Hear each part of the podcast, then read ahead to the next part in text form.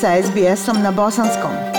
Pronađite još sjajnih priča na sbs.com.au kosacrta bosnijan. Izazov vakcinacije velikog broja svjetske populacije protiv COVID-19 se nastavlja, a svjetska zdravstvena organizacija ponovno poziva na upućivanje prvih doza siromašnim zemljama prije nego što se treće doze daju u drugim zemljama potezom koji ima za cilj prevladati neodlučnost oko vakcina i ograničiti širenje virusa, sve više nacija nameće ograničenja nevakcinisanima.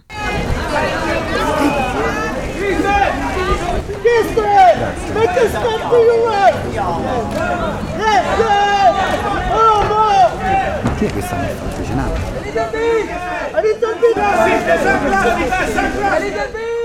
Ovo su bili fotografi koji snimaju poznate ličnosti na Venecijanskom filmskom festivalu. Zvijezde se vraćaju na crveni tepih nakon što ih je pandemija COVID-19 prošle godine držala podalje od njega. Početak događaja poklapa se s uvođenjem novih zahtjeva za domaća putovanja u Italiji.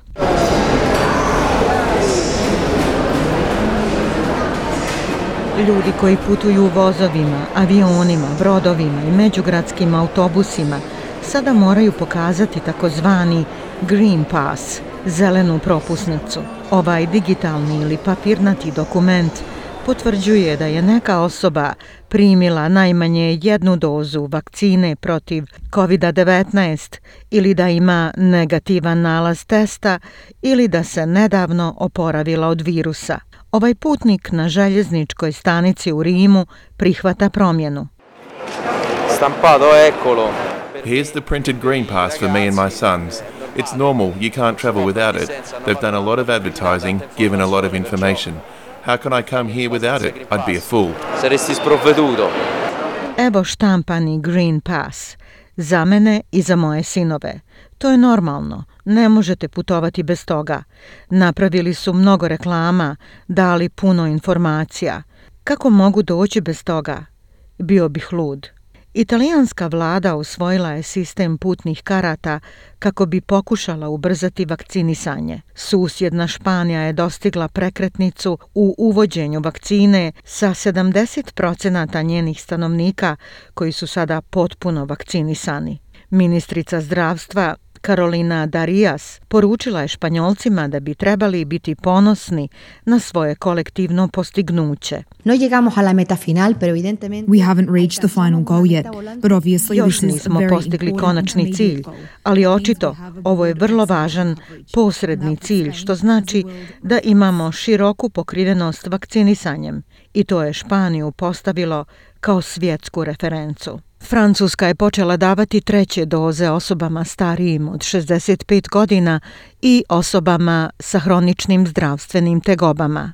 I Engleska je najavila da će početi nuditi treće doze osobama sa oslabljenim imunološkim sistemom. Ministar zdravlja Velike Britanije Said Javid naglasio je da injekcije koje preporučuje zajednički komitet zemlje za vakcinaciju i imunizaciju nisu pojačivači. It suggests that people in such a situation that are immunosuppressed they may not have the same level of Sugeriše se da ljudi u takvoj situaciji sa oslabljenim imunološkim sistemom možda nemaju isti nivo zaštite od dvije doze koje imaju drugi ljudi. Zato smatramo da je potpuno ispravno da njihovu zaštitu dopunimo ponudom ove treće doze kao dio njihovog rasporeda primarnih vakcina. Predviđeno je da engleski program za poticanje vakcine počne kasnije ovog mjeseca. Međutim, čelnik svjetske zdravstvene organizacije ponovio je poziv razvijenim zemljama da odgode davanje trećih injekcija zdravim ljudima.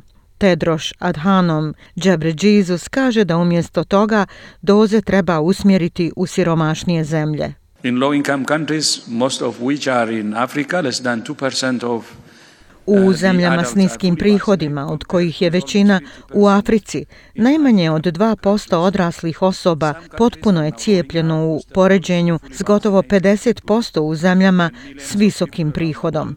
Neke zemlje sada uvode pojačane doze za potpuno vakcinisane osobe, dok milioni ljudi širom svijeta nisu primili ni prvu dozu.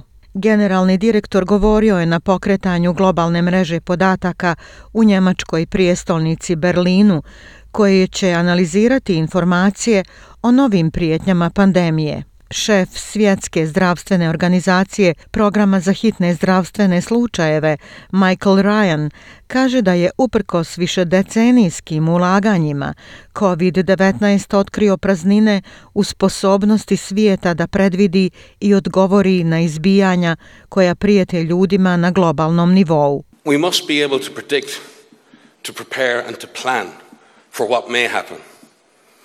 Moramo biti u stanju predvidjeti, pripremiti se i planirati ono što se može dogoditi, ali tada moramo biti u mogućnosti otkriti, procijeniti i reagovati na najraniji mogući signal da se nešto zaista događa. I što je najvažnije, moramo se prilagoditi onome što se događa i uskladiti se sa hitnim zdravstvenim situacijama koje se razvijaju, a koje nikada nisu bile ono što ste planirali ili očekivali. U svijetu je COVID-19 do sada ubio najmanje 4,5 miliona ljudi. Među najnovim smrtnim slučajevima je i uticajni kubanski kompozitor i pjevač Adalberto Alvarez. Mundo Sevilla, opetica acá, la casa está repleta, ya no caben más, y todos se preguntan qué dirá el Ecuador. 72-godišnjak koji je osnovao dva najuspješnija kubanska orkestra u zemlji umro je od komplikacija izazvanih koronavirusom. Za mjere zdravlja i podrške koje su trenutno na snazi kao odgovor na pandemiju COVID-19 na vašem jeziku posjetite stranicu sbs.com.au kosa crta koronavirus. Ja sam Aisha Hadži Ahmetović. Ostanite uz SBS radio.